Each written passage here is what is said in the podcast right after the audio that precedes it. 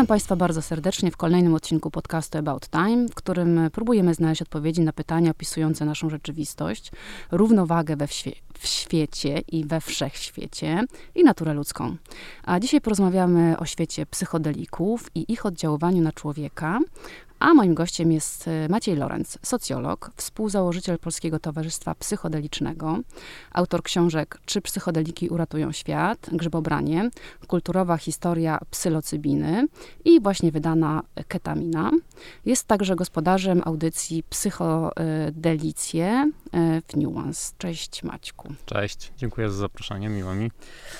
Maćku, gruby, interesujący, fascynujący i bardzo modny temat dzisiaj e, poruszymy. Mm, ale chciałam tak zacząć od takich podstaw, bo e, dużo się mówi o tych psychodelikach, mm, substancjach psychoaktywnych, a co to tak naprawdę jest? Czy tam jest jakieś rozróżnienie, jakaś klasyfikacja? Co, co możesz o tym mhm. powiedzieć? Znaczy tak, psychodeliki są grupą e, środków psychoaktywnych, które w e, większości ludzi prawdopodobnie kojarzą się z latami 60. E, ubiegłego wieku. No i rzeczywiście to była epoka, w której, w której one weszły do takiej masowej wyobraźni na zachodzie. E, I no, mówi się o psychodelicznych latach 60. Natomiast, e, tak jak tutaj zaznaczy, wspomniałaś, temat staje się coraz bardziej modny współcześnie, więc według mnie można mówić o psychodelicznych latach 20. XXI wieku. W ostatnich 3-4 latach ten temat przebił się bardzo mocno do kulturowego mainstreamu, no i rozbudza wyobraźnię z uwagi na to, że przedstawia się psychodeliki, te klasyczne psychodeliki, czyli między innymi psylocybinę, jako nowy, cudowny lek na depresję lekooporną, ale również jako substancje, które mogą mm, pomóc zdrowym ludziom, czyli ludziom bez żadnych diagnoz w jakimś e, mm, innym sposobie myślenia o, o swoim życiu, o swoich aspiracjach, o swoich potrzebach. E, do tych klasycznych najbardziej psychodelików, właśnie tak jak powiedziałem, zalicza się psylocybinę między innymi, ale również LSD i dimetylotryptaminę, czyli DMT. To jest substancja, która odpowiada za psychoaktywne działanie ayahuaski. I to, co łączy te substancje, to jest po, pierwsze to, że wywołują bardzo mocne bardzo mocno. No to, to zależy od dawki, ale e, wywołują zmiany w percepcji, w sposobie przeżywania emocji, również w sposobie myślenia, a ich działanie opiera się na e, oddziaływaniu na jeden konkretny podtyp receptorów dla serotoniny, 5-HT2A.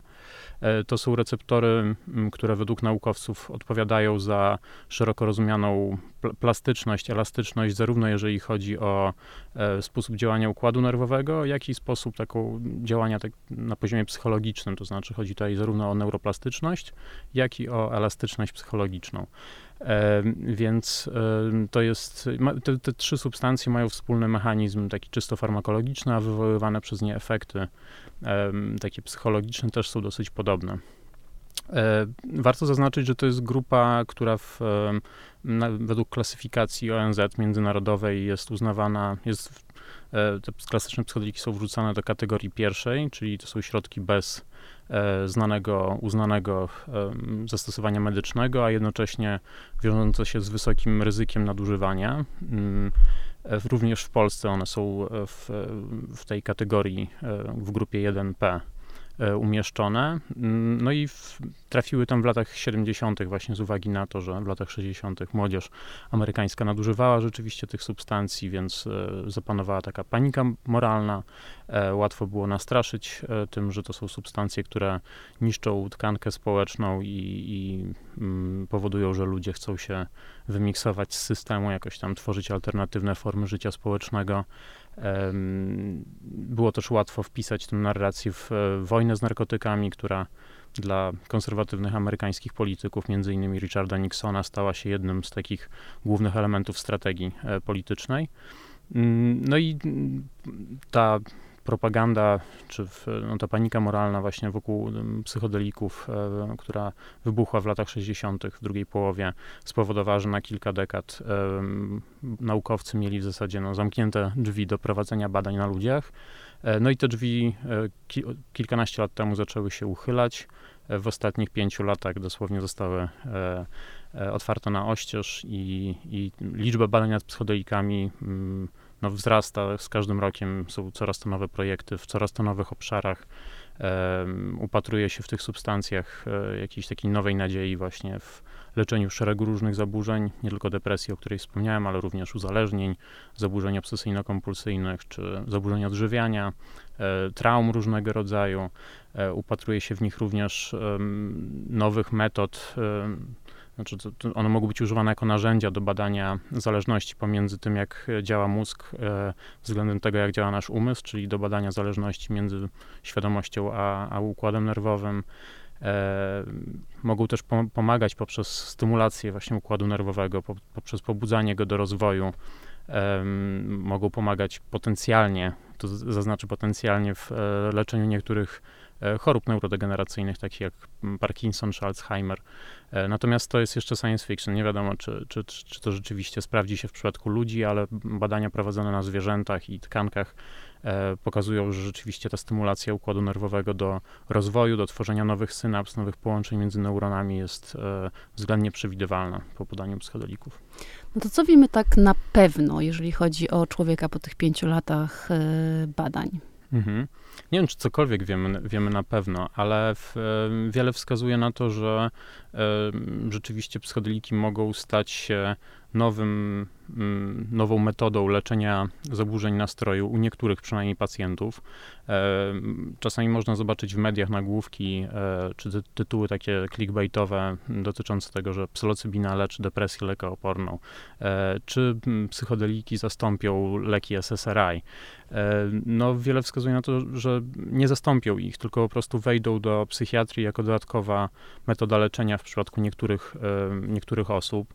E, nie jest tak, że psychodeliki działają na wszystkich pacjentów z zaburzeniami nastroju, natomiast e, zauważono, że u znacznej części tych e, przypadków lekoopornych, czyli tych, które nie zareagowały na co najmniej dwie standardowe formy farmakoterapii wcześniej, rzeczywiście następuje po podaniu psylocybiny mm, szybki spadek tych objawów depresyjnych. Już następnego dnia można go zaobserwować. On się utrzymuje przez kilka dni, kilka tygodni, czasami kilka miesięcy, czasami jest trwały, czasami go nie ma w ogóle, więc to, to nie, jest, nie jest tak, że wszystkim pomagają psychodeliki w cudowny sposób, natomiast pewnej grupie ludzi rzeczywiście mogą, e, mogą one pomóc. E, amerykańskie agencje rządowe wręcz przyznały E, terapii z użyciem psylocybiny status terapii przełomowej. To jest taki status, który e, świadczy o tym, że administracja jest otwarta na przyspieszenie ścieżki wprowadzania danej substancji na rynek jako leku, czyli no rejestrację, e, rejestrację nowego leku. I też ten status sugeruje, że według administracji dana forma leczenia jest bardziej skuteczna niż te, które, którymi dysponujemy obecnie.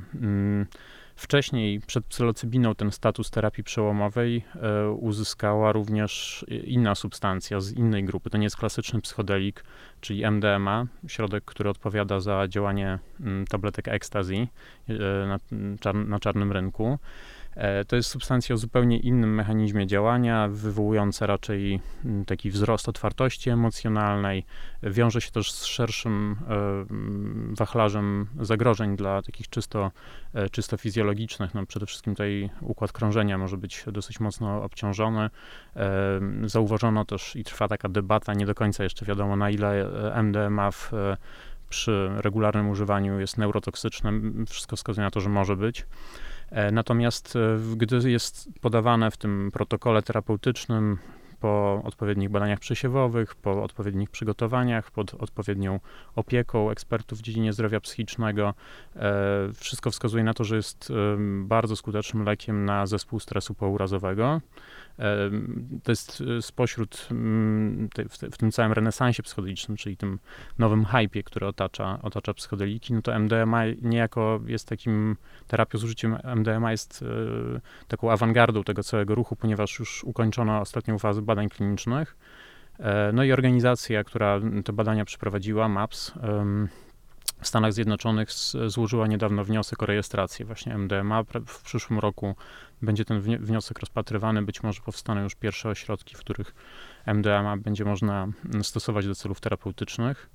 E, więc e, no tutaj mamy już dowodami na to, że MDMA rzeczywiście w przypadku stresu pourazowego może bardzo pomóc ludziom. I to po pierwsze jakby wynika z tego, że e, ludzie z PTSD, e, właśnie z, zespołem stresu pourazowego mają, to jest jedna w ogóle z cech PTSD, że mają trudność z rozmawianiem o tym traumatycznym doświadczeniu, które u nich się jakby jest źródłem utrzymujących się u nich różnych objawów, to znaczy oni nie mogą spać, bywają drażliwi, mają w ogóle problemy z funkcjonowaniem, e, często zalewają ich wspomnienia tego traumatycznego wydarzenia w e, przypadkowych sytuacjach.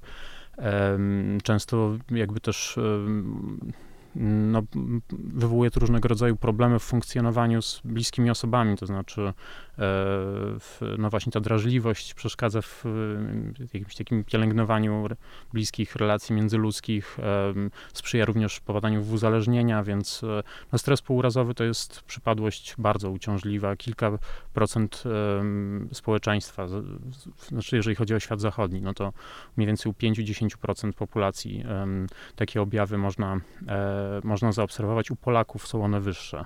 Ostatnio widziałem artykuł, który to, to jednoznacznie sugeruje. Mm, natomiast e, MDMA w tej całej sytuacji po prostu pomaga, bardzo pomaga otworzyć się e, pacjentowi bądź pacjentce, to znaczy wywołuje niejako taki stan farmakologicznej otwartości, zaufania. To oczywiście wymaga też przyjmowania tej substancji w bardzo mm, takim odpowiedzialnym kontekście, to znaczy ilość nadużyć, których, do których mogłoby dojść. Na przykład w undergroundzie zdarzają się też takie przypadki. W badaniach klinicznych formalnych też się zdarzały takie przypadki, gdzie ktoś tego, tej otwartości nadużywał na różne sposoby.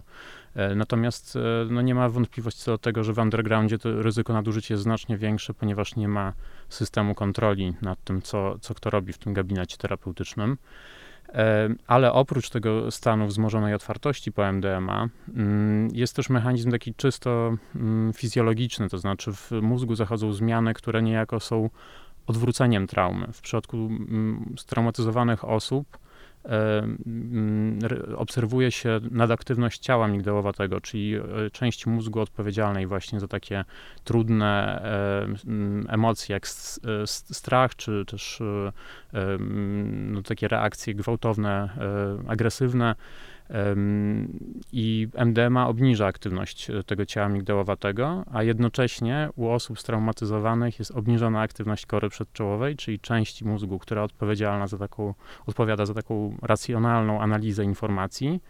E, no i pod wpływem MDMA właśnie w, e, wzrasta aktywność tej kory przedczołowej, a obniża się aktywność ciała migdałowatego. Wszedłem chyba w zbytnie teraz detale, Nie, natomiast to, chodzi mi po prostu o to, bo zapytałeś, co jest udowodnione. No to ten mhm. mechanizm jest naprawdę -hmm.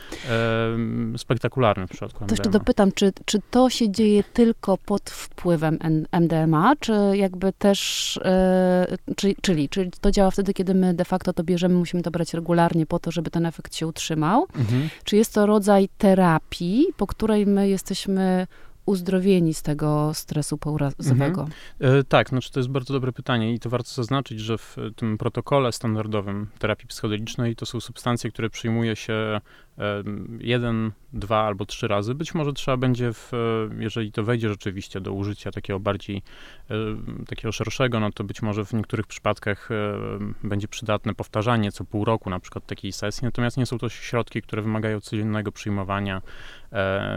Wymagają natomiast obudowania tego doświadczenia odpowiednim kontekstem, czyli właśnie tak jak wspomniałem, no, w, niezbędne są badania przesiewowe, w których się bada, sprawdza się, czy osoba zainteresowana na przykład y, ma niewydolność ostrą jakiegoś narządu, wątroby czy nerek, na przykład serca, sprawdza się, czy nie jest w ciąży na przykład, no bo też ciąża jest dosyć ważnym przeciwwskazaniem w, do jakichkolwiek eksperymentów ze środkami psychoaktywnymi. Natomiast też odsiewa się, w przypadku tych klasycznych psychodelików, odsiewa się ludzi z predyspozycjami do zaburzeń psychotycznych. To jest główne przeciwwskazanie i główne zagrożenie też, e, jeżeli chodzi o, o tę grupę substancji, e, z uwagi na to, że podanie psychodelików mogłoby u nich nasilić objawy albo wręcz wywołać e, objawy, jeżeli mają mm, na przykład takie genetyczne obciążenie e, w kierunku schizofrenii albo choroby dwubiegunowej, no to, no to generalnie mogłoby, mogłoby dojść u nich do ak takiej aktywacji tych objawów. Odsiewa się również e, z większości eksperymentów osoby z poważnymi zaburzeniami osobowości, takimi jak osobowość borderline. Chodzi, chodzi generalnie o, o, o wszystkich pacjentów, w przypadku których um, obserwuje się taką bardzo wysoką labilność emocjonalną i też um, zaburzenia w ocenie rzeczywistości. To znaczy, u tych ludzi prawdopodobnie psychodeliki raczej by pogorszyły stan niż poprawiły. E, natomiast jeżeli rzeczywiście ktoś e, takich predyspozycji nie ma mm, i jest zdrowy fizycznie, względnie, no to może poddać się właśnie takim kilku sesjom pod opieką terapeutów. E, zazwyczaj takie sesje polegają na tym, ten standardowy protokół polega na tym, że pacjent bądź pacjentka jest proszona o kierowanie uwagi do wnętrza w trakcie sesji, to znaczy ograniczenie komunikacji werbalnej z terapeutami, e, raczej skupienie się na swoich odczuciach, wejście z dużym zaufaniem e, w ten stan, e, bez jakiegoś strachu i takie poddanie się konfrontacji z tym, co, co, co w swoim wnętrzu obserwujemy. Natomiast e, ta komunikacja werbalna, oczywiście, jeżeli ktoś czuje potrzebę porozmawiania, ponieważ e, poczuje, nie wiem, przytłaczający strach, e, jakąś dezorientację, lęk przed zniknięciem, na przykład, no bo dochodzi do rozmycia tych codziennych granic ja, takiej codziennej tożsamości. Dla niektórych ludzi to jest no, takie destabilizujące, wręcz przerażające. Oczywiście w takiej sytuacji można zdjąć tę opaskę, którą ma się na oczach, zdjąć słuchawki, które ma się na uszach i po, poprosić o wsparcie terapeutów. Oni są zobowiązani takiego interpersonalnego mm, wsparcia udzielić i no, stworzyć takie bezpieczne warunki, w których, e, w których ta osoba będzie czuła się po prostu zmotywowana do tego, żeby wrócić do tej autoeksploracji, do tej introspekcji. E, natomiast e, w kolejnych spotkaniach, jak już skończy się działanie substancji, terapeuci przeprowadzają integrację tego doświadczenia, czyli mm, w ramach szeregu spotkań kolejnych z, e, właśnie z tymi terapeutami dana osoba omawia swoje doświadczenia, żeby je lepiej zrozumieć, dostrzec w nim jakiś głębszy sens, odnieść lepiej do swojego codziennego życia, no i po prostu przenieść te wglądy, które uzyskała w tym odmiennym stanie świadomości do do, no do, właśnie do codzienności, tak żeby one po prostu nie zniknęły wraz z upływem czasu, tylko żeby w jakiś konstruktywny sposób wzbogaciły e, życie danej osoby. E, tak, no i wracając do początku tej wypowiedzi, znaczy e, przyjmuje się psychodeliki w ramach tego standardowego protokołu tylko raz, dwa albo trzy razy. A jak działa psy, psy, psylocybina? Dobrze powiedziałam? Dobrze. Mm -hmm, tak. Trudne słowo. E, no, bo, e, no bo rozumiem, też tak chciałabym biochemicznie zrozumieć, w jaki sposób, no bo ona e, jest deklarowana jako ten środek, który działa na przykład antydepresyjnie. Tak. Znaczy, tak jak powiedziałem na samym początku, działa psylocybina poprzez receptory dla serotoniny 5-HT2A, czyli jeden z jej podtypów. No, serotonina jest w ogóle, tak mam wrażenie, nawet w kulturze popularnej przedstawiana jako neuroprzekaźnik odpowiedzialny za, za szczęście, za jakiś taki dobrostan I rzeczywiście jest ona, reguluje wiele funkcji w organizmie, nie tylko nastrój, ale też łaknienie, e, sen, libido. Więc e, no, poprzez oddziaływanie na ten receptor dochodzi też do mm, wyrzutu glutaminianu, czyli glutaminian to jest główny w ogóle neuroprzekaźnik regulujący aktywność układu nerwowego, pobudzający aktywność e, tego układu nerwowego, więc e, no niejako mamy do czynienia z taką szeroko zakrojoną aktywacją wewnątrz mózgu. E, I widać kilka mm, obszarów, w których ta aktywacja mm, rzeczywiście wydaje się mieć największe znaczenie. Obszarem, który e, dla zmian percepcyjnych jest najistotniejszy, e, to, są, to jest wzgórze. Mm, I wzgórze odpowiada za taką wieloaspektową integrację bodźców zmysłowych w takie spójne doświadczenie percepcyjne. E, pełni też rolę filtra, który odsiewa niektóre informacje zmysłowe, żeby nas po prostu nie przytłoczył, nie przytłoczył nadmiar informacji. I wszystko wskazuje na to, że pod wpływem psychodelików e, wzgórze troszeczkę ulega rozregulowaniu, traci tę funkcję, przez co ludzie mm, czują, że te doświadczenia zmysłowe stają się bardziej spotęgowane. Chodzi tutaj zarówno o doświadczenia wzrokowe, jak i słuchowe, dotykowe. E, jest to bardzo spójne z tym, co, co, co ludzie czują pod wpływem psychodelików. Mm, natomiast jeżeli chodzi o, mm, o taki mechanizm, który w kontekście zastosowania terapeutycznego wydaje się mieć większe znaczenie, to jest dezintegracja sieci stanu domyślnego, czy sieci standardowej aktywności. Default Mode Network to jest różnie tłumaczone na język polski.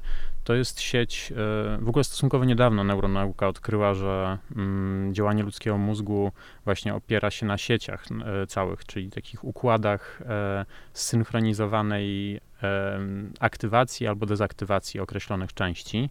E, I w, akurat ta sieć, Default Mode Network, jest przedstawiana jako taki odpowiednik ludzkiego ego, czyli takiej naszej codziennej tożsamości. Ona odpowiada za umiejscawianie nas w czasie, tworzenie takiej spójnej narracji na temat siebie, która ma jakąś przeszłość, ma jakieś plany na przyszłość.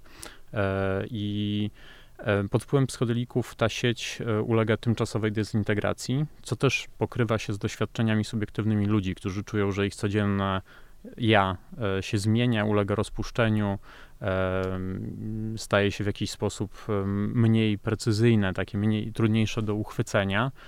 I ta sieć jest też hiperaktywna u ludzi pogrążonych w depresji.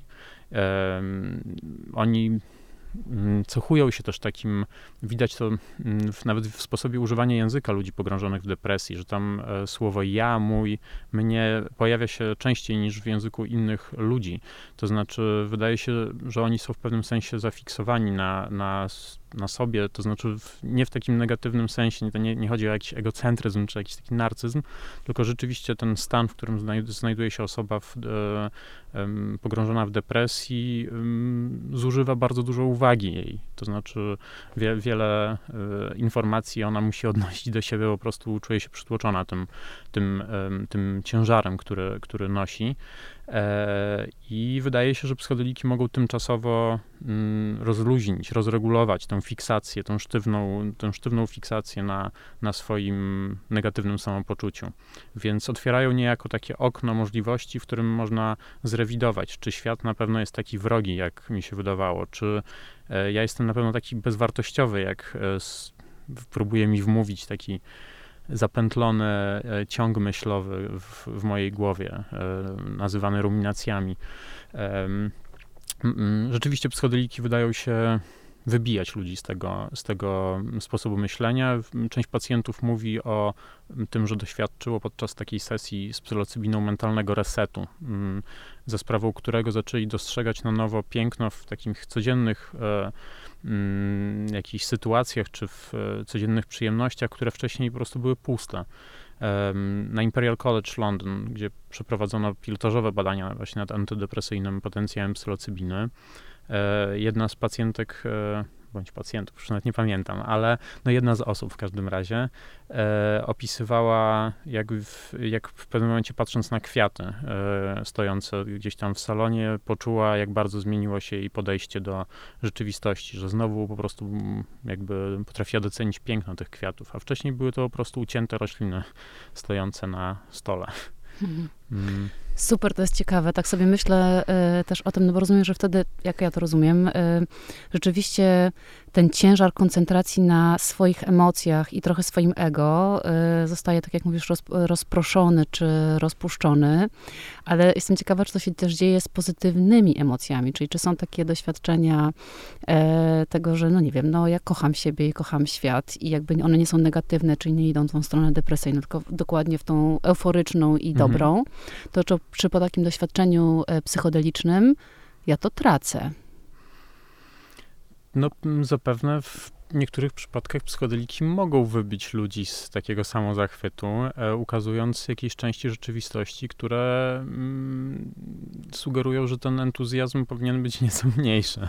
E, wyobrażam sobie taką sytuację, to znaczy, no generalnie jeżeli chodzi o badania kliniczne, no to nie jesteśmy jeszcze na takim etapie, nie wiem, czy kiedykolwiek będziemy i żeby to się komukolwiek opłacało prowadzić badania nad tym, w jaki sposób komuś popsuć nastrój za pomocą psychodelików, e, ale, e, ale wydaje wydaje mi się, że ludzie o takim wysokim poziomie dobrostanu, bo jak rozumiem o nich pytasz, z doświadczeń psychodelicznych też wydają się dużo wynosić. To znaczy, jeszcze w latach 60. prowadzono badania nad wpływem psychodelików na zdolność do rozwiązywania problemów, kreatywność, czyli taki, wśród takich wysoko funkcjonujących. Zresztą te mm, eksperymenty były prowadzone w samym centrum rodzącej się wtedy Doliny Krzemowej, więc między innymi uczestniczył e, w nich e, człowiek, który wynalazł myszkę komputerową, e, ale nie wynalazł jej na kwasie, więc to, no ale tak, no generalnie brali w tych eksperymentach ludzie mm, z mm, różnych branż kreatywnych, matematycy, projektanci,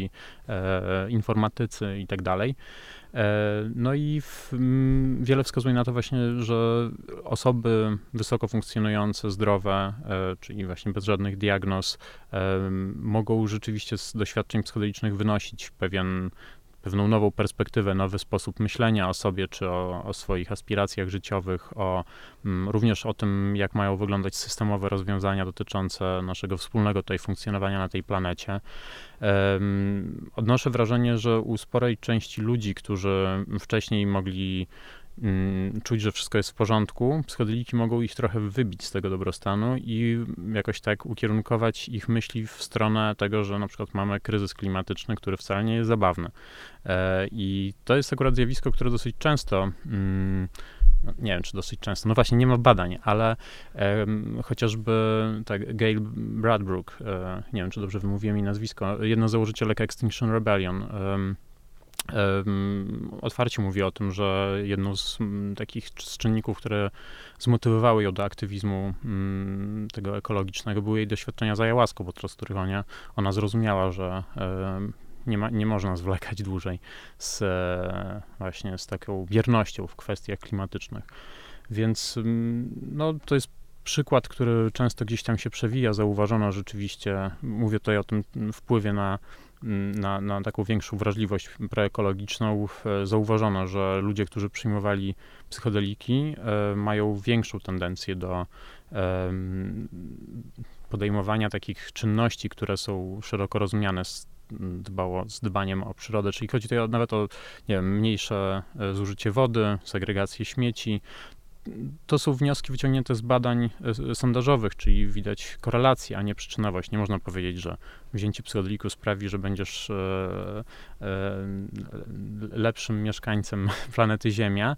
Natomiast jest korelacja pomiędzy przyjmowaniem psychodelików, a takim większym uwrażliwieniem na, na kwestie ekologiczne. No tak, no trochę to brzmi tak, jakbyś przestał y, jednak koncentrować się na sobie jako jednostce i te twoje odczucia, rozumienie, refleksje są najważniejsze, ale jesteś częścią większej całości, prawda? Mhm. I bierzesz odpowiedzialność za, y, za tą całość. A tak, czy... to tylko dopowiem, mhm. to rzeczywiście to jest mega istotne. Y, częścią w ogóle, znaczy to, to znaczna część badaczy wyjaśnia doświadczenie psychodeliczne za pomocą kryteriów stanu mistycznego. Stan mistyczny nie musi być niczym nadprzyrodzonym przyrodzonym. Chodzi w nim dosłownie o dwie rzeczy: o rozmycie własnego ja i o poczucie zjednoczenia z czymś większym niż to ja. I tym czymś większym może być e, na przykład zbiorowość ludzka, ludzkość, utożsamienie jakby z tym, że jesteśmy jednym gatunkiem i powinniśmy e, jednak e, współpracować, a nie ze sobą walczyć. Może być to poczucie zjednoczenia z przyrodą, czyli no tutaj się może mocno uruchomić ta troska o świat natury. Może też być to poczucie zjednoczenia z całym wszechświatem, jakkolwiek by to nie, nie brzmiało tak e, właśnie nadprzyrodzenie, e, no to jednak e, w gruncie rzeczy nie jest to coś, nie jest to doświadczenie, które automatycznie wyrzuca nas poza ramy naturalizmu filozoficznego, w którym zakładamy, że istnieje tylko materia e, i wszystkie zjawiska, mechanizmy można wyjaśnić za pomocą praw fizyki. E, doświadczenie mistyczne nie, nie, wymaga wyjścia poza ten, e, poza ten e, bezpieczny e, w świecie zachodnim paradygmat filozoficzny. Więc część badaczy w ogóle psychodelików mówi o, o terapii psychodelicznej, że to jest mistycyzm stosowany, że to jest użycie doświadczenia mistycznego, do mm, pomagania ludziom w dostrzeżeniu jakiegoś głębszego znaczenia w egzystencji. No ma to dużo sensu, powiem ci, dlatego że jak sobie myślę o tym, też tak wynika z badań, że jednak główne nasze problemy polegają na tym naszym odłączeniu. Jednak e, ta plemienność, zjednoczenie, bycie częścią wielkiej, większej całości, przynależenie, że to są takie ludzkie kwestie, które są bardzo potrzebne właśnie dla dobrostanu, spokoju, poczucia sensu, czyli wszystkich tych elementów, które tak naprawdę sprawiają, że, y, że dobrze się czujesz sam ze sobą. Mhm. Więc pewnie ma to sens. A powiedz, dobra, to jeszcze przejdźmy do takiego trzeciego elementu, y, do ketaminy, bo o tym nie rozmawialiśmy. To nie mhm. jest psychodelik, rozumiem, ale słyszałam, że to jest y, no, taki specyfik, który można nazwać, który dowozi ci taki farmakologiczny mindfulness. To jak to się dzieje? Bo to też jest e, ciekawy mechanizm. No, no, myślę, że bardziej bym do psylocybiny e, odniósł e, właśnie to sformułowanie, że taki mhm. farmakologiczny mindfulness. Ketamina jest rzeczywiście substancją o nieco innym profilu działania, o, o zupełnie innym profilu działania. Niektórzy klasyfikują ketaminę jako psychodelik, bardziej jest to psychodeliczny dysocjant. To znaczy mm, jest to środek w latach 60. stworzony w laboratoriach. W sensie jest to czysto syntetyczna mm, substancja. E, mm, początkowo była ona używana głównie do wywoływania znieczulenia, mm, z uwagi na to, że taki stan anestezji można za jej pomocą bezpiecznie wywołać, e, znacznie bezpieczniej niż w przypadku wcześniej stosowanych leków, które w większym stopniu oddziałują na układ oddechowy, na układ krążenia, więc łatwiej też przekroczyć tę bezpieczną dawkę, za którą już pacjent e, może e, zejść. E, miało to na przykład znaczenie w przypadku mm, działań wojennych. Podczas wojny w Wietnamie ketamina była stosowana na polu walki z uwagi na to, że kolega, jeden kolega drugiemu koledze mógł ją w ferworze walki bezpiecznie podać w razie potrzeby, nawet nie patrząc dokładnie na dawkę. Mm, w każdym razie ta substancja była później, z uwagi na efekty, które ona wywołuje, mm, takie czysto psychologiczne, była ona używana w badaniach nad e, psychozami. To znaczy zakładano, że można za pomocą ketaminy wywołać u, u zwierząt stan e, spełniający właśnie kryteria psychos, żeby lepiej zrozumieć e, te mechanizmy rządzące właśnie zaburzeniami z tej grupy.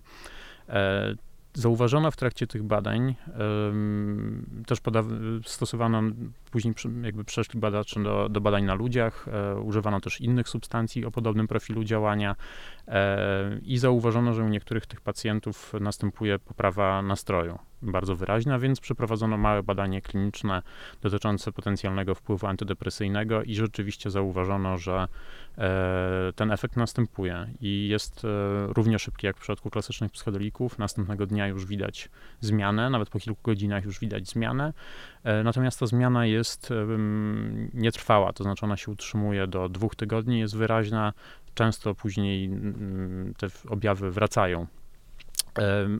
Ketamina zupełnie ma inny mechanizm działania, tak jak powiedziałem, i e, wywoływane przez nią efekty są dla wielu ludzi znacznie bardziej takie przytłaczające, to znaczy o, o, ile w przypadku klasycznych psychodelików ludzie zazwyczaj potrafią mm, stwierdzić, że zmiany percepcyjne, których doświadczają są wywołane przez substancje i wkrótce znikną, tak w przypadku ketaminy przy odpowiednio wysokich dawkach te, halu, halucynacje są znacznie bardziej takie imersywne, to znaczy ludzie rzeczywiście tracą mocniej kontakt z rzeczywistością, stąd też właśnie to słowo dysocjant na tym to polega, że jest odcięcie, stan dysocjacji.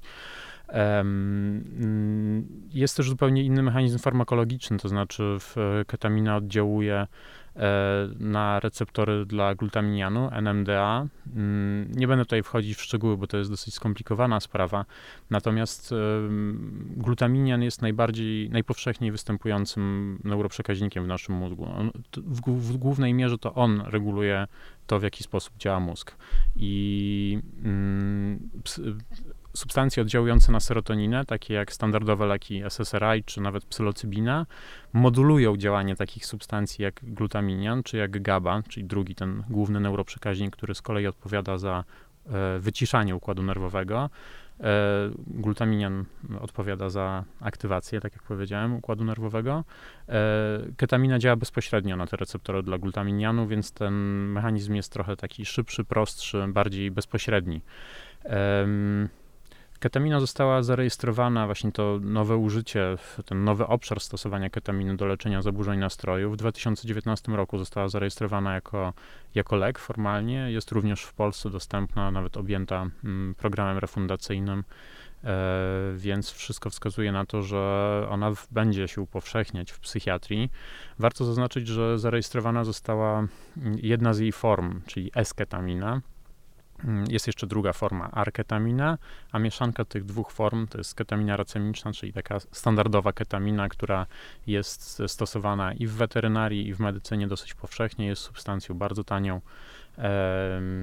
I być może za kilka lat jakby te, w tym E, w tym wachlarzu dostępnych leków e, będzie dostępnych więcej preparatów e, z, opartych na ketaminie, niekoniecznie na samej esketaminie, którą właśnie firma Janssen czy Johnson Johnson zarejestrowało jako, jako lek w formie donosowej.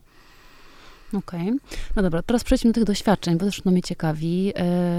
rozumiem, że mm, są to doświadczenia jednak halucyno, jak powiedzieć, halucynacje, czyli doświadczenia mhm. jakie halucyno halucynacyjne. Halucynacyjne. Można, Dobra. Myślę, no dobra, tak, takie nazwijmy.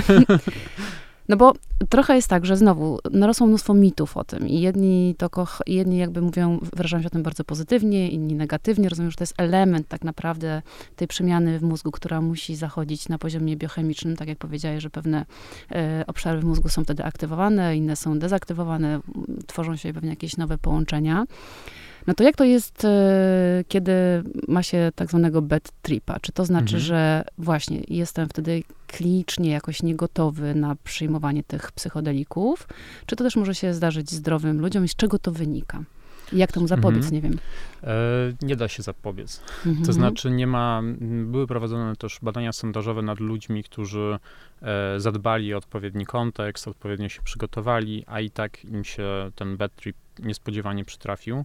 Bad tripem opisuje się mm, takie silnie przytłaczające, negatywne doświadczenie, które, e, które jest na tyle intensywne, że mm, znaczna część ludzi, którzy takiego bad tripa doświadczyli, żałuje przyjęcia substancji. E, część z nich szuka też pomocy u ekspertów w dziedzinie zdrowia psychicznego. No i generalnie jest to doświadczenie, które wpływa na dobrostan negatywnie i ten negatywny wpływ może się utrzymywać bardziej też długofalowo.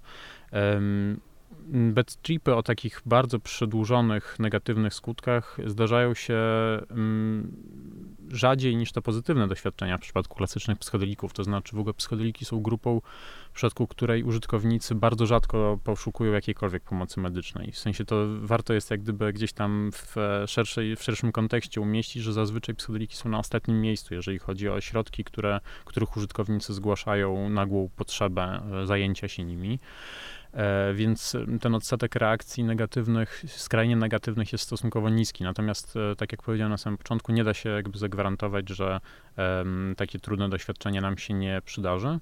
I mm, mm, rzeczywiście jest też druga, w ogóle może warto też wspomnieć, że jest też jakby nieprzewidywalna inna przypadłość HPPD, czyli zaburzenie postrzegania e, wywołane psychodelikami, halucynogenami. E, I to jest e, przypadłość, która nie wiadomo skąd się bierze, nie wiadomo jak ją leczyć i nie wiadomo, kto może być na nią narażony. Polega ona na tym, że u bardzo małego odsetka użytkowników psychodelików e, i też innych substancji dochodzi do takiego bardzo długofalowego utrzymywania się efektów, które przypominają działanie substancji, ale trwają na, przez długi czas po tym, jak już farmakologiczne działanie substancji się zakończy. Czyli mo mogą się te efekty utrzymywać, na przykład jakieś smugi za poruszającymi się przedmiotami mogą się utrzymywać miesiącami. E, I to jest, e, to się zdarza rzadko, natomiast nie da się przewidzieć, e, u, u jakich osób taki, taki, takie zaburzenie wystąpi. Jeżeli chodzi o bad tripy, wracając do nich, no to jest to jest to doświadczenie, które niekoniecznie przez wiele osób długofalowo jest postrzegane jako coś, co e, właśnie pogorszyło ich e, stan, z uwagi na to, że nawet niektórzy terapeuci, którzy prowadzą badania kliniczne, zwracają uwagę na to, że w zasadzie im gorsze jest doświadczenie, tym więcej daje okazji do mm, gdzieś tam wygrzebania wypartych treści niewygodnych i zajęcia się nimi. Oczywiście robienie tego na własną rękę jest dosyć ryzykowne, natomiast w kontekście psychoterapii wydaje się, że takie mm, taka, taka sytuacja, w której tego materiału psychicznego wylewa się więcej trudnego, może być po prostu mm, takim bodźcem bardziej motywującym do, do zajęcia się sobą. Więc e, no, tak jak mówię, no, część, część osób dostrzega w bad tripie okazję, a nie, a nie jakiś taki wyrok, do, e, który, który skutkuje pogorszeniem dobrostanu. Jaki jest procent tych bad tripów? Tak jestem ciekawa, ktoś to zbadał? Tutaj się, mm, są duże rozbieżności w, w, i w badaniach sondażowych, i w, we wnioskach z badań klinicznych, natomiast to jest mniej więcej kilka procent ludzi e, takich, e, takich stanów, e, mhm. takich stanów może doświadczyć. Czasami to jest kilkanaście w niektórych, w niektórych gdzieś tam analizach, no natomiast jest to mm, mniejszość. A ty myślisz, hmm. że to jest e, związane ze świadomością bardziej, czy jednak z biochemią? Mm, według mnie bardziej z kwestiami psychologicznymi. Natomiast e, no, może się za 10 lat okazać, że jest jakiś na przykład wariant genu, który odpowiada za tego rodzaju reakcje i badania nad tym już też trwają, więc być może się uda to wyjaśnić za pomocą um, jakichś takich e, mechanizmów czysto, czysto biochemicznych. E, na ten moment moja intuicja jest taka, że raczej to wynika z kwestii e, psychologicznych, to znaczy z tego, że no, jesteśmy też w naszej kulturze uczeni tego, żeby znaczną część emocji wypierać, wziąć się w garść i wrócić do pracy i odgrywać tam pewną rolę społeczną. Często to się jest okupione dużym gdzieś tam um, cierpieniem na jakimś poziomie, którego większość ludzi nie widzi z zewnątrz. E, więc odnoszę wrażenie, że znaczną część tych reakcji negatywnych na psychodeliki to jest właśnie takie odblokowanie tych wypartych emocji, które domagają się uwagi i które domagają się też uwagi w przypadku pacjentów na przykład z depresją, którzy e, no, zgłaszają się do, psychi do psychiatry. Standardowo stosuje się leki SSRI, które mm, no, generalnie powodują taki rodzaj spłaszczenia niektórych emocji, odcięcia się od nich to się wiąże z tym, że odcinają się zarówno od negatywnych emocji, ale również od tych pozytywnych. Wiele osób narzeka na to, że taki efekt uboczny im przeszkadza w funkcjonowaniu, przeszkadza im w nawiązywaniu znaczących relacji, przeszkadza im również w życiu seksualnym. E, więc to w, mm, w przypadku psychodelików ten efekt e, wydaje się terapeutyczny, wydaje się polegać na odwrotnym mechanizmie. Właśnie nie tłumimy tylko potęgujemy niektóre doznania, e, niektóre emocje, żeby bardziej mm, żeby w większym stopniu dopuścić je do mhm. siebie, żeby się nimi zaopiekować, żeby je zintegrować, nauczyć się z nimi żyć, nauczyć się gdzieś tam je w, no, wpisywać w, w to, kim jesteśmy. Hmm, przede wszystkim sobie uświadomić, prawda, i skonfrontować, no bo tak jak mówisz, że te wszystkie wyparte emocje, które gdzieś tam siedzą jak ten trup w szafie, no to one są bardzo często powodem też i depresji, wszystkich takich stanów e, mhm. pewnie nie, nieprzyjemnych. E, jakie są jeszcze zagrożenia tak naprawdę? No bo mówimy tutaj e, dużo o tym, jakie są e, plusy i korzyści tak naprawdę z e, tych nowych e, środków czy specyfików, które mogą podnieść jakość i dobrostan naszego życia, czy uleczyć jakieś e, dysfunkcje, a jakie są niekorzyści, czyli mhm. negatywy. No to no, tutaj w zasadzie um, kilka z nich już wymieniłem, ale to może rzeczywiście w ramach podsumowania. Znaczy przede wszystkim ryzyko bad tripa, które jest, e, czyli właśnie takiego silnie intensyw, silnego, intensywnego, przytłaczającego negatywnego doświadczenia. Drugie zagrożenie to jest e, właśnie ryzyko aktywacji psychos u osób z predyspozycjami, które na przykład mają w rodzinie te przypadki tego rodzaju albo w przeszłości się zmagały z takimi zaburzeniami z grupy psychos. E, trzecie zagrożenie to jest to HPPD, czyli zaburzenia postrzegania spowodowane halucynogenami. Tak jak powiedziałem, nie wiadomo skąd się biorą, nie wiadomo jak je leczyć, nie wiadomo kto jest narażony. Jest to drobny odsetek, bardzo drobny, ale no trochę jest to rosyjska ruletka, bo nie wiadomo u kogo to wystąpi.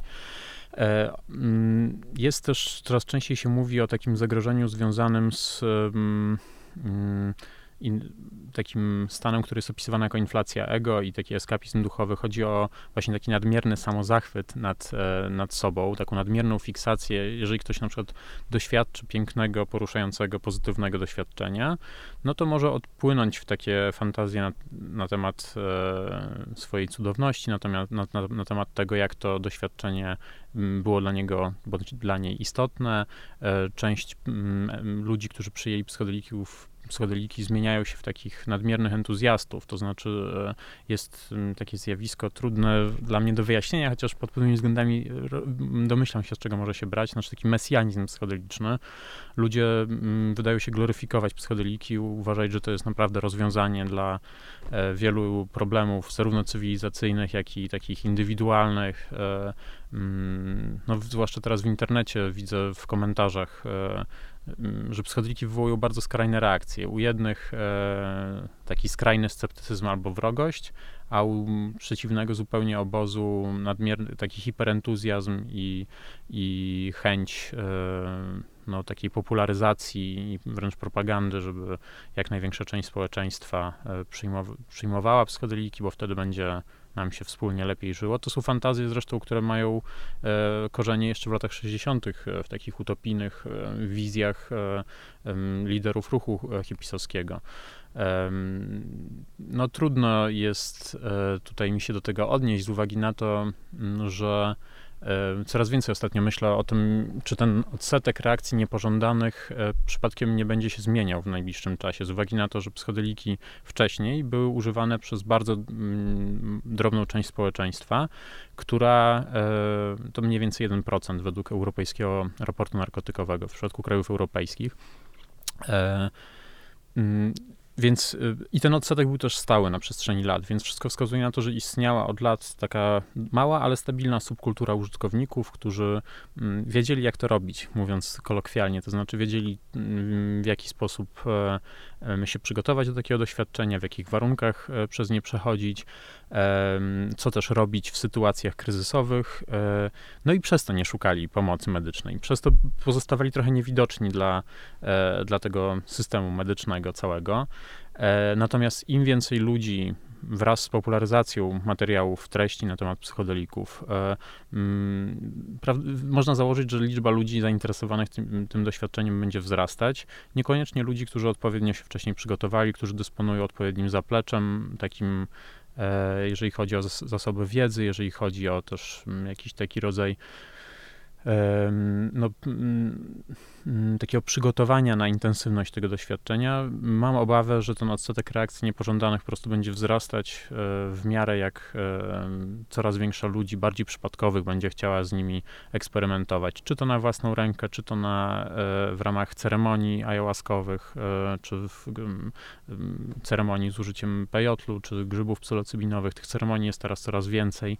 E, odbywają się one w undergroundzie, e, mm, no ale zainteresowanie nimi wzrasta, więc, e, więc można zakładać, że będzie też wzrastać liczba tych reakcji niepożądanych, właśnie z uwagi na to, że coraz więcej przypadkowych osób będzie sięgać po psychodeliki, po tym, jak przeczytają albo natrafią na zachęcające materiały gdzieś tam w internecie, albo na głosy właśnie tych hiperentuzjastów, takich mes, mes, mes, kierowanych tak, tak, takim mesjanizmem psychodelicznym. E, no, wydaje mi się, że to jest realne ryzyko. Mhm. I mam też obawę, że ten hiper, e, hiperoptymizm i takie nadmierne gloryfikowanie psychodelików i konsekwencje potencjalne, które mogą z tego wyniknąć, po prostu mogą doprowadzić do sytuacji, sytuacji, którą mieliśmy też w latach 60., 70., to znaczy łatwo będzie, jeżeli będzie wzrastać liczba negatywnych reakcji, przypadków, w których ktoś rzeczywiście doznał bardzo poważnej szkody, czy wyrządził komuś szkodę, no to mm, ta narracja medialna może bardzo szybko się zmienić w e, przeciwną stronę. Ważnym zagrożeniem, o którym jeszcze w sumie e, warto wspomnieć, jest to, że e, właśnie ludzie, którzy nie są przygotowani odpowiednio na działanie psychodelików, pod wpływem, pod ich wpływem mogą zachowywać się w nieodpowiedzialny sposób, to znaczy z oczywistych względów nie są to substancje, które jakby jakkolwiek można przyjmować w warunkach takich stricte niekontrolowanych. W sensie, w sensie chodzi mi o to, że no, spacer wzdłuż ruchliwej ulicy pod wpływem LSD jest zdecydowanie złym pomysłem, czy w, no w ogóle wykonywa- poruszanie się w jakiejś przestrzeni, która, która może wiązać się z zagrożeniem dla własnego zdrowia i życia albo dla zdrowia i życia innych ludzi. E, no stąd też właśnie sesje psychodeliczne prowadzi się w zamkniętym pokoju z e, dostępem do ubikacji prywatnej i właśnie pod opieką dwójki terapeutów zazwyczaj, którzy dbają po prostu o to, żeby tej osobie się nic nie stało. A co z uzależnieniem? No bo wiadomo, że to są substancje, które teoretycznie nie uzależniają fizycznie, no ale mhm. wydaje mi się, że można się uzależnić od tego stanu e, trochę błogości, zjednoczenia mhm. e, ze wszystkimi. To mhm. są uzależniające czy nie? E, nie, nie są uzależniające. To znaczy, tak jak powiedziałaś, no na poziomie czysto fizjologicznym nie widać e, w przypadku psychodelików takiego mechanizmu mm, wzmocnienia, to znaczy takiego, które powoduje, to widać też u zwierząt, jak zwierzęta mają dostęp do psychodelików i mają dźwignię, za pomocą której mogą sobie aplikować różne substancje, no to psychodeliki po jednej albo kilku aplikacjach przestają wzbudzać w nich zainteresowanie, natomiast w przypadku kokainy, heroiny czy alkoholu również naciskają tę dźwignię dosyć kompulsywnie, tracą kontrolę nad, nad, nad swoim zachowaniem i e, no, mogą też doprowadzić do swojej śmierci w ten sposób. Widać to też w przypadku ludzi. E, w, nie ma wśród użytkowników psychodelików, pewnie się zdarzają jakieś pojedyncze, sporadyczne przypadki, natomiast z reguły ludzie nie przyjmują tych środków e, psychodelików w sposób kompulsywny, taki w ciągach na przykład. Wynika to po pierwsze z tego, że doświadczenia wywoływane przez psychodeliki są dosyć intensywne, więc e, zbyt częste ich przeżywanie po prostu e, może być trudne do gdzieś tam połączenia z codziennym życiem i ludzie też e, wolą sobie robić większe przerwy, żeby mieć trochę więcej takiego materiału biograficznego, życiowego do przerobienia.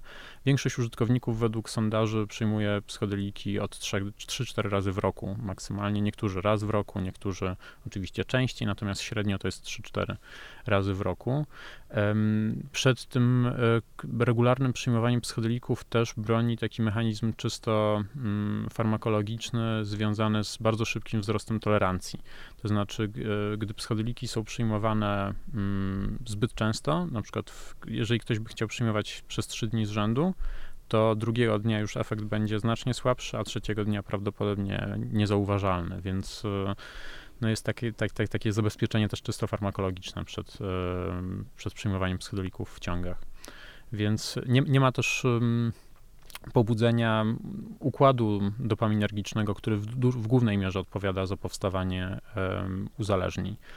Natomiast jeżeli chodzi o tę warstwę psychologiczną, no to rzeczywiście niektórzy ludzie, mm, mam wrażenie, że to dotyczy osób, które w zbyt dużej mierze przywiązują się do samej treści doświadczenia, niekoniecznie do tego, w jaki sposób te doświadczenia wpływają na ich życie, tylko e, fiksują się i skupiają się nadmiernie na na przebiegu je, e, jego, na tym, że do, doznali jakiegoś objawienia w trakcie tej, tej podróży psychodelicznej. Jeżeli jest e, tak, tak, taka fetyszyzacja wręcz tego subiektywnego doświadczenia, może rzeczywiście mm, u osób z takim podejściem dochodzić pewnie częściej do tego, że będą chciały powracać do tego stanu regularnie, żeby skoro on jest dobry, no to, to czemu go nie powtórzyć za tydzień, za dwa tygodnie i tak dalej. Rzeczywiście jest, jest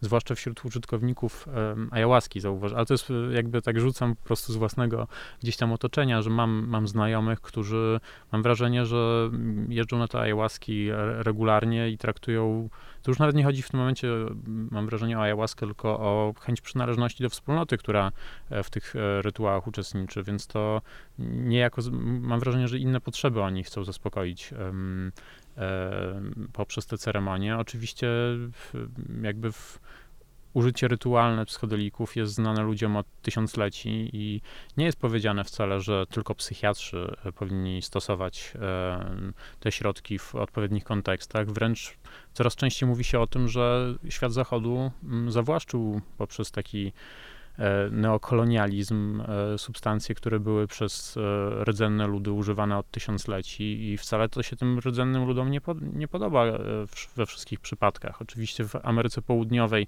rozkwit ten biznes turystyczny wokół ceremonii ayahuaskowych, wokół mm, zarówno w kontekście takim szamanistycznym, jak i w kontekście różnych kościołów, które tam funkcjonują, również kościołów łączących chrześcijaństwo z ayahuaską. No więc, no, tak, tak jak mówię, no, nie, nie jest powiedziane, że tylko psychiatrzy e, są w stanie odpowiedzialnie mm, stosować psychodeliki. Mm, dużo ludzi mm, właśnie w tych kontekstach rdzennych e, raczej skłania się ku temu, żeby w ramach pewnej wspólnoty przyjmować e, psychodeliki rytualnie. Zresztą powstały w ostatnich latach e, w Stanach Zjednoczonych e, zarejestrowane kościoły, które używają psychodelików jako sakramentu i one dążą do liberalizacji prawa, właśnie powołując się na prawo wolności religijnej. To jest obszar, który, no zastanawiam się, jaka będzie reakcja systemu na, na, na to, że takie, takie ugrupowania legalnie funkcjonują, z uwagi na to, że w Stanach Zjednoczonych były precedensy rejestracji kościołów właśnie rdzennych używających psychodelików, głównie pejotlu i ayahuaski, więc Mm, no tak, to jest w ogóle odrębny świat e, i raczej te światy ze sobą, mm, trudno jest teraz mówić o kulturze psychodelicznej, raczej można mówić o kulturach psychodelicznych, coraz większej ich liczbie. I ten świat e, zwolenników technokracji psychodelicznej, czyli wdrażania ich w system biomedycyny, patentowania nowych leków, nowych procedur na ich, na podstawie jak gdyby tej terapii psychodelicznej, to jest jeden świat, a zupełnie drugi świat to są miłośnicy tak w dużym uproszczeniu mówię oczywiście, mm, miłośnicy powrotu do natury, takiego braku też zaufania względem systemowych jakichś rozwiązań, względem mainstreamu kulturowego. E, to nie jest tak, że jak psychodeliki wejdą do medycyny, to zniknie ten obszar użycia pozamedycznego, użycia do celów religijnych, do celów związanych z samorozwojem. E, I te światy w coraz mniejszym stopniu, mam wrażenie, chcą też ze sobą się komunikować. Mm, myślę, że będzie pogłębiać się pewien rodzaj antagonizmu między nimi. To jaka jest przyszłość w takim razie psychodelików, jak myślisz? Mm, wydaje mi się, że w ciągu kilku lat najbliższych wejdą rzeczywiście do, e, do medycyny jako jedna z wielu mm, jedno z wielu narzędzi leczenia niektórych, niektórych zaburzeń psychicznych. Prawdopodobnie ta trajektoria będzie podobna jak w przypadku większości leków w ogóle, czyli początkowo jest ogromny entuzjazm, hype, później w miarę jak one wchodzą do użycia e, bardziej powszechnego, jak prowadzi się więcej badań nad ich właściwościami, no to ta skuteczność spada e, stopniowo. Za 10 lat myślę, że efekty badań nad psychodelikami będą znacznie mniej spektakularne. Też w dużej mierze psychodeliki rozpropagował e, taki amerykański dziennikarz Michael Pollan, który napisał najbardziej poczytną książkę e, na ich temat w ogóle w historii, jak zmienić swój umysł. Miałem przyjemność tłumaczyć ją na język polski i um, wspominam o nim dlatego, że niektórzy um, badacze mówią o czymś takim jak Polan efekt, czyli efekt Polana. Chodzi o to, że Polan um, przedstawił doświadczenie psychodeliczne w pewien konkretny sposób, z naciskiem właśnie na medykalizację psychodelików, na ich zastosowanie terapeutyczne w określonym kontekście, eksponując też niektóre reakcje na psychodeliki, właśnie związane z tym rozmyciem ja, z, tym, z, z tymi stanami mistycznymi. No i chodzi generalnie o to, że to opisał bardzo rzetelnie. Natomiast ludzie, którzy przeczytali jego książkę albo słuchali wywiadów z nim, a to jest w Stanach Zjednoczonych to jest taki dziennikarz bardzo rozpoznawalny, lubiany, też wzbudzający dużą sympatię. E, wcześniej zajmował się przemysłem żywieniowym i relacjami pomiędzy człowiekiem a roślinami, światem przyrody w ogóle.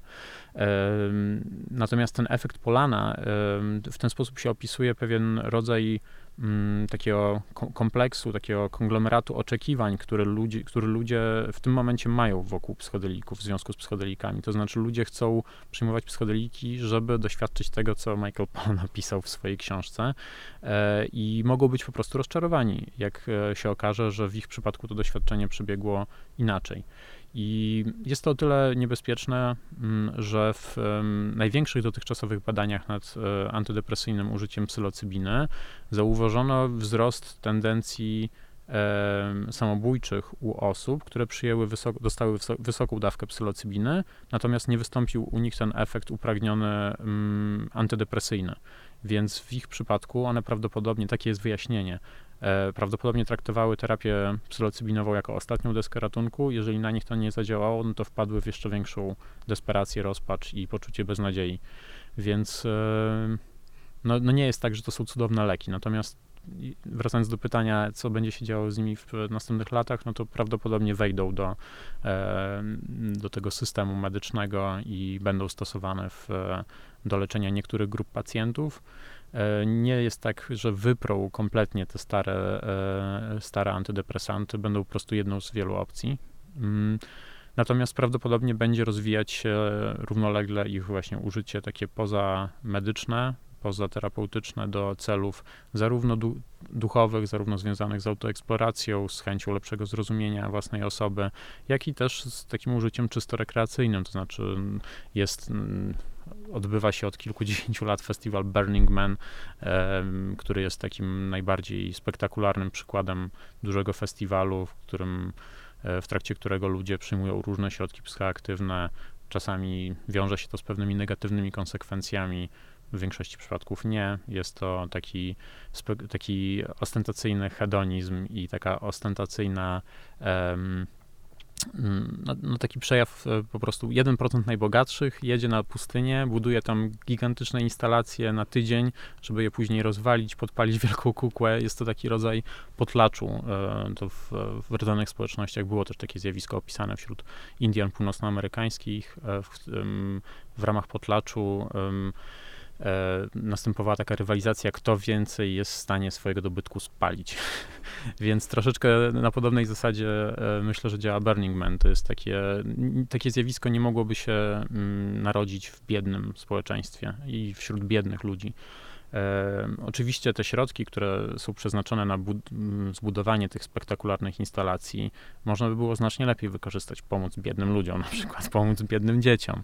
E, no tak, no ale jest to, jest to przejaw taki najbardziej mm, wyrazisty pewnego rodzaju hedonizmu psychodelicznego, który też będzie, on nie zniknie. Znaczy to nie jest mhm. tak, że psychodeliki, jak wdroży się je w świat biomedycyny, to nagle ludzie stwierdzą, że tylko będą chodzić do psychoterapeuty i pod okiem ekspertów będą je przyjmować.